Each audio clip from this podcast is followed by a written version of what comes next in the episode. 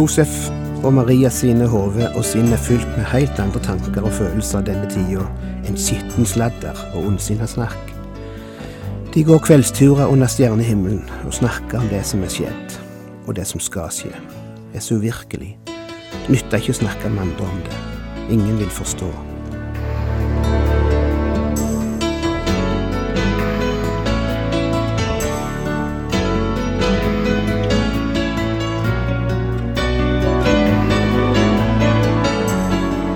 Hjertelig velkommen til et nytt program i serien Vindu mot livet. Vindu mot livet er basert på programserien Insight for Living ved Chuck Svindal. Programmet er produsert av Kristen Riksradio og blir ledet av Ola Bjoland.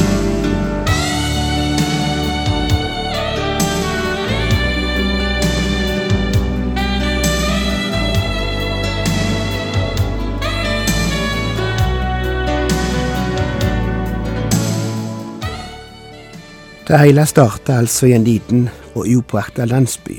Kanskje vi ikke engang kan kalle det en landsby, kanskje vi skulle kalle det ei bygd. Antagelig bodde det ikke mer enn 400-500 mennesker der. Det var ingen viktig by i det hele tatt. Ingen storhet, ingen verdighet.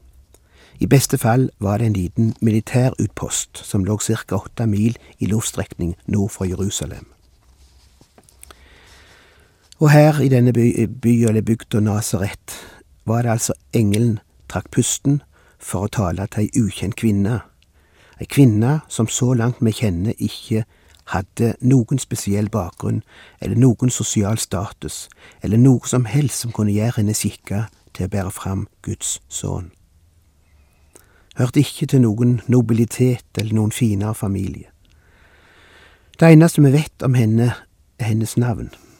Et navn som var så vanlig på den tida at det fantes ikke mange heime med jenter i der ikke ett av barna bar navnet Maria. Nasaret ligger på ei fjellskråning, eller bakkeskråning, og lener seg mot syd slik at den har oversikt over den svære Hermageddonsletta, eller Israelsletta som den òg kalles. Den er en rik beiteplass, meget fruktbar jord, kanskje blant annet fordi den de siste 5000 åra er blitt regelmessig gjødsla med blod og bein ifra soldater som er slåss der. En evig krigsskueplass, som gir perspektivet til de bibelske profetiene om at det en gang skal stå et avgjørende slag nettopp på denne sletta. Noen av de mest kjente generalene opp gjennom tidene som har kjempet akkurat på denne sletta, eller denne dalen, er folk som farao, Neko, Nebukaneser, Rikard Løvehjerte, Napoleon, lord Allenby, general Pershing, for å nevne noen.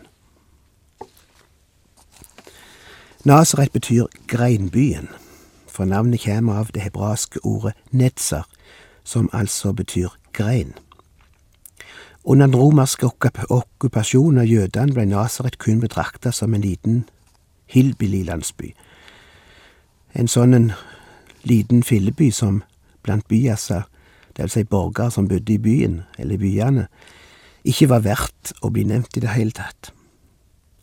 En totalt unnselig og ukjent og ubetydelig liten landsby, eller bygd, som ikke er nevnt i Det gamle stamentet en eneste gang, så vidt jeg kjenner til. Den var en avkrok i Galilea. Så lite påakta var den at den blei et slags ordtak, eller skjellsord, på Jesu tid. Kan det komme noen godt, kan det komme noe godt ifra Nasaret? Og ut av dette ukjente kom ei like ukjent kvinne. At hun ikke tilhørte sossen, leser jeg blant annet ut av at hun her i Lukas 1 hele tre ganger omtalt som tjenestekvinne, eller tjenerinne. Hun var husholderske. Hun var også forlova med en mann som var snekker eller tømmermann. På den tida blei en forlovelse annonsert i synagogen, og navnet blei gjort kjent for offentligheten, navnet på de som inngikk forlovelse. Så allerede forlovelsen var en offentlig sak. Og så blei det tatt ut lysning, og det ble annonsert at de to skulle gifte seg, og det gikk gjerne noen måneder ifra forlovelsen til selve bryllupet ble holdt. For de to trengte som regel noen måneder til å skaffe seg hus og ting som de trengte når de skulle flytte sammen og stifte heim. Og mens Maria var opptatt i denne tida med å skaffe seg alle ting som trengs for å stifte en heim, og for å forberede alt i forbindelse med det som skulle skje i en ikke altfor fjern framtid, dukka plutselig denne engelen opp en dag. Hun hører en stemme ifra et eller annet sted som sier Vær hilset, du som har fått nåde, Herren er med deg. Hun ble forskrekket over engelens ord og undret seg på hva denne hilsen kunne bety. Ja, det er vel ikke så rart. Hun hadde nok hørt om denne Messias som skulle komme en dag, selvsagt hadde hun det. Alle truende jøder venta på han. Men hvorfor henne? Og hvorfor denne byen? På denne ukjente, ringakta landsbygda, av alle plasser. Hvorfor ikke Jerusalem, eller en annen plass som folk visste om, og som de setter i forbindelse med viktige og hellige ting? Nasaret, ei ukjent kvinne, husholderske, forlova med en snekker. Nei, det er vel vanskelig å spekulere i hva som er foregått inni hodet hennes i dette øyeblikk, og fra dette øyeblikk. Vi er bare de nedskrevne ord å holde oss til.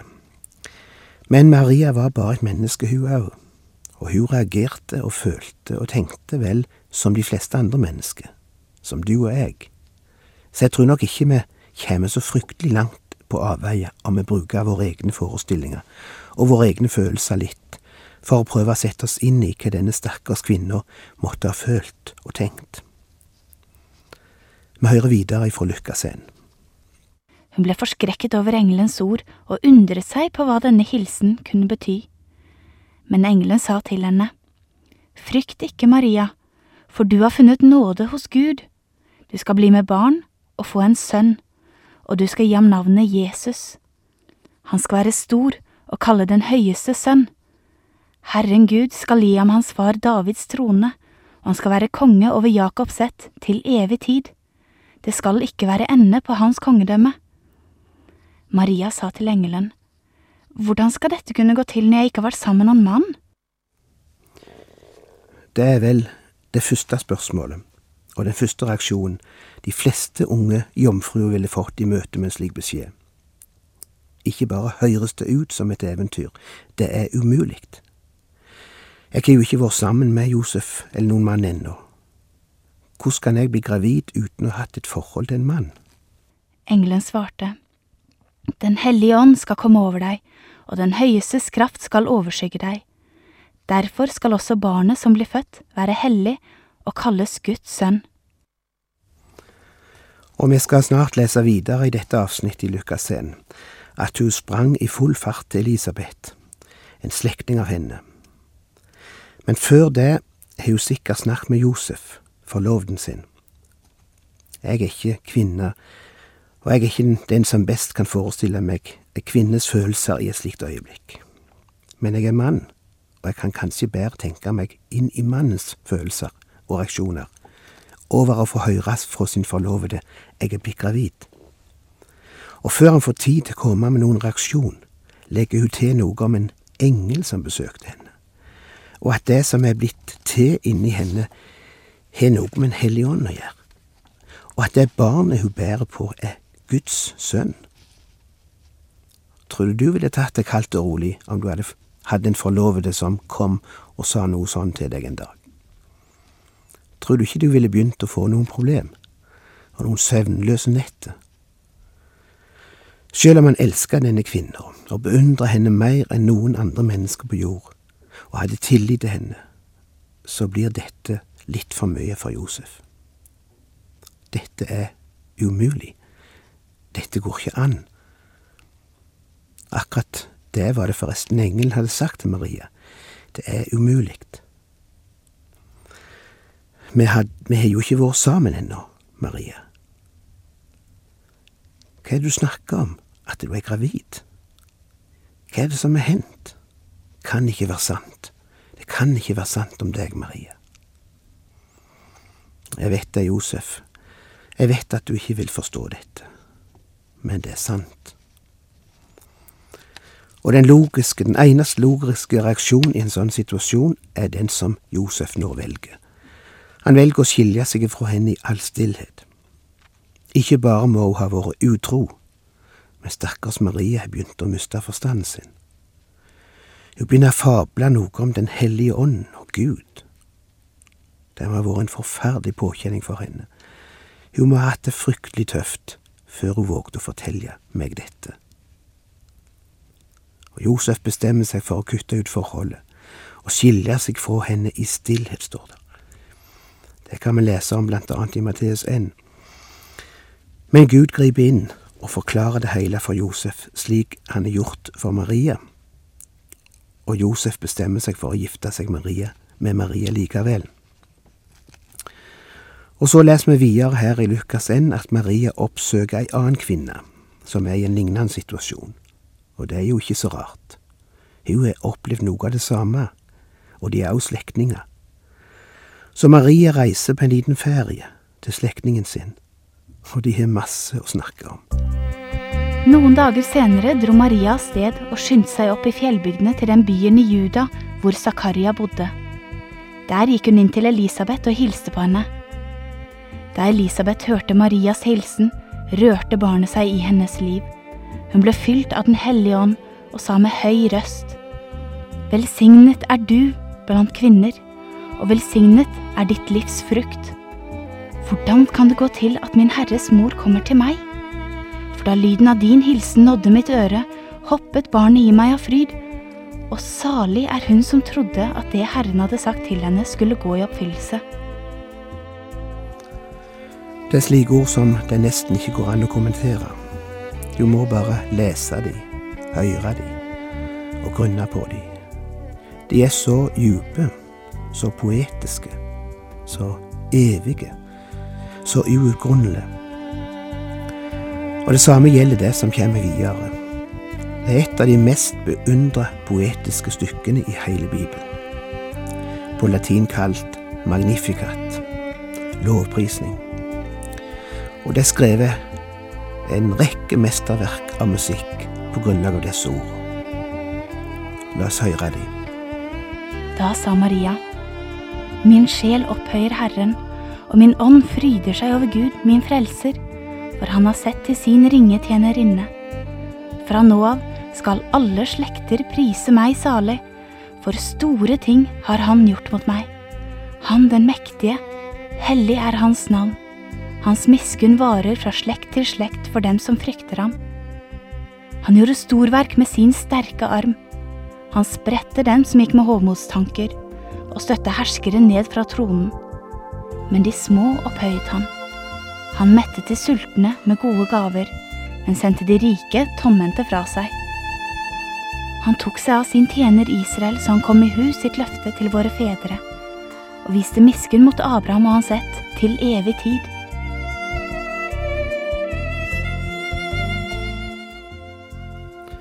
Det er så veldig ord at jeg klarer ikke begynne å liksom flikke på de, snu og grave og analysere og tolke. De må bare forstå der slik som de er. Det eneste jeg vil si, er at jeg finner så mye av Bibelens innhold i dette vesle diktet, om vi skal kalle det det. Det er jo mye mer enn et dikt, selvsagt, men iallfall, jeg finner både Salme 34 der, og Salme 35, og Salme 98, og Salme 103, og Salme 107, og Salme 118, og 132 for dere som er kjent i Salmenes bok i Bibelen. Og jeg finner Jobb der, kapittel tolv. Og jeg finner et avsnitt ifra Mika, profeten. Og jeg finner stoff ifra første Samuels bok, kapittel to, andre Samuels kapittel 22, og til og med fra Jesajas 53. Kan bare sjekke det sjøl. Jeg kan ikke lese opp alle disse skriftstedene nå. Men det er ikke verst for disse få versene å romme så mye bibelstoff ifra Det gamle stamentet, i poetisk form. Og dette kommer ifra munnen til ei ung tenåringsjente. Og det er ei tenåringsjente som venter barn. Et barn som ikke er planlagt. Et barn som er der før hun er gift. Et barn som ikke engang er hennes vordende manns barn. Men ikke engang hører vi antydninger til at hun sier det går ikke, jeg kan ikke bære det fram. Jeg orker ikke gå resten av livet og høre på fornedrende bemerkninger slengt imot meg, eller nedlatende blikk. Jeg orker ikke stå fram og forsvare eller forklare for en hel verden som likevel ikke vil forstå. Jeg orker ikke, jeg orker ikke. Nei, hør hva tenåringens jente sier.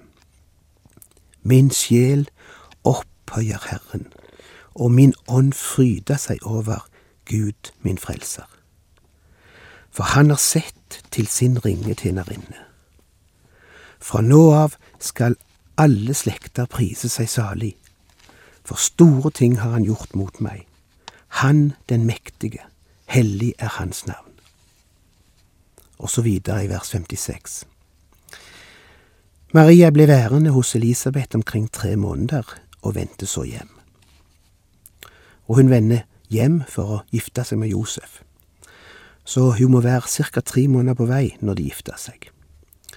Hun har vært ute av byen i tre måneder borte fra bygda, og folk må undre seg hvor blei det av Maria, hvorfor reiste hun bort så plutselig, har de fått problemer i forholdet, hva har hun dratt hen, hvem er hun sammen med, hva er det som foregår?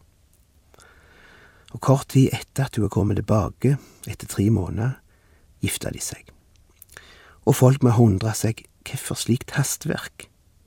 Hvorfor kunne de ikke vente de vanlige seks–åtte månedene, månedene ifra forlovelsen til de gifta seg? Har forresten lagt merke til Maria i det siste. Har lagt merke til at hun er så bleik, at hun har begynt å legge på seg. Nei, jeg sier ikke mer, men det er noe rart med henne. Hun er liksom ikke seg sjøl. Du kan tro at sladder og snakk yngler i den sammenhengen. Og du må tro at sladder og snakk yngla like mye på den tida som i dag, i en liten landsby eller bygd der de fleste kjente hverandre. Men Josefs og Marias hode og sinn er fylt med heilt andre tanker og følelser denne tida enn skitten sladder og ondsinna snakk. De går kveldsturer under stjernehimmelen og snakker om det som er skjedd, og som skal skje. Det er så uvirkelig. Jeg nytter ikke å snakke med andre om det. Ingen vil forstå. Ingen vil tro de om de sier at de har hatt besøk av en engel. Og folk vil bare sjå dumt og forskrekka på de om de begynner å si noe om Guds rolle i dette, og Den hellige ånds rolle i denne graviditeten. Slikt nytter det ikke å snakke med andre om. Det forblir Josefs og Marias mysterium, som de får måneder til å tenke igjennom og snakke igjennom i tida fram mot fødselen. Det er ikke tid til å bry seg om hva folk sier og hva folk tror. Det som er skjedd, er for stort til å bli øyelagt av sånt. Ikke et par på denne jord har noen gang levd med en slik hemmelighet. Det var umulig å prøve å forklare det andre. Kan tenke deg hvordan det ville høres ut om han skulle prøve å si til naboene det er ikke mitt barn hun bærer. Hva for noe? Ikke ditt barn? Vel, vi har hatt vår mistanke siden hun reiste bort og blei borte så lenge. Nei, nei, hør her, det forstår ikke. Det er ikke sånn. Du skjønner, det er ikke noe menneske sitt barn. Det er Guds barn. Ingen mann er far til barnet. Det er Gud som er barnets far. Nei, nei, vi forstår ikke, du er helt rett i det. Vi forstår virkelig ikke, Josef. Vi syns du skal oppsøke en psykiater. Du har hatt ei tøff tid i det siste, Josef. Kanskje du skulle gå og få en liten sjekk? Nei, Josef vet det nytter ikke, så det forblir deres egen hemmelighet. Ingen kan forstå noe sånn. Men teologisk sett er det faktisk ganske logisk. Men det er fordi vi har hatt skarpe teologer som har forklart det for oss, og som er nedskrevet i i Bibelen, nemlig at skulle Gud kunne frelse oss mennesker, så måtte han sjøl bli menneske. Men skulle han kunne frelse oss, så måtte han bli et menneske uten synd. Og skulle han kunne frelse oss, så måtte han samtidig være Gud. Hvordan kan, hvordan kan han være Gud og menneske på en gang? Og endog et menneske ulikt alle andre mennesker, fordi han er uten synd. Og likevel et menneske likt alle andre mennesker, fordi han har prøvd i alt. Hvordan kan alt dette kombineres? Kombinasjonen fant sted i en liten landsby som heter Nasaret. Inne i ei kvinne sitt liv, sin mage, som heter Maria. Der blei Gud menneske. Og hvis ikke Gud var blitt menneske den gangen, så ville menneskene ikke lenger vært mennesker. De ville vært djevler, og noen er faktisk blitt det. Men dette er så mye mer enn en sentimental og rørende og stemningsfull juleillustrasjon som er putta på kalendere og kort. Det er en hendelse som gir verden håp, og som kan og skal forandre verden. Og som kan forandre, og kanskje har forandra, ditt liv. Og hvis det ikke har det, så la det få gjøre det denne julen.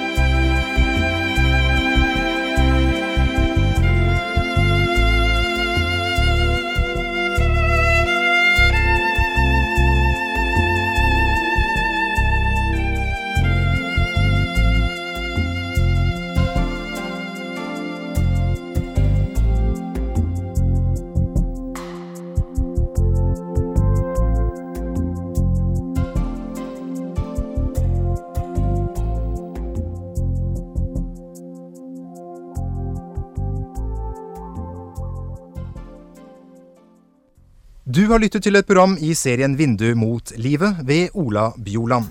Har du spørsmål eller kommentarer til det du nå har hørt, så kan du ta kontakt med oss. Adressen vår er Kristen Riksradio, Storgata 10B 0155 Oslo. Vindu mot livet er produsert for din lokalradio av Kristen Riksradio. Takk for i dag, og på gjenhør.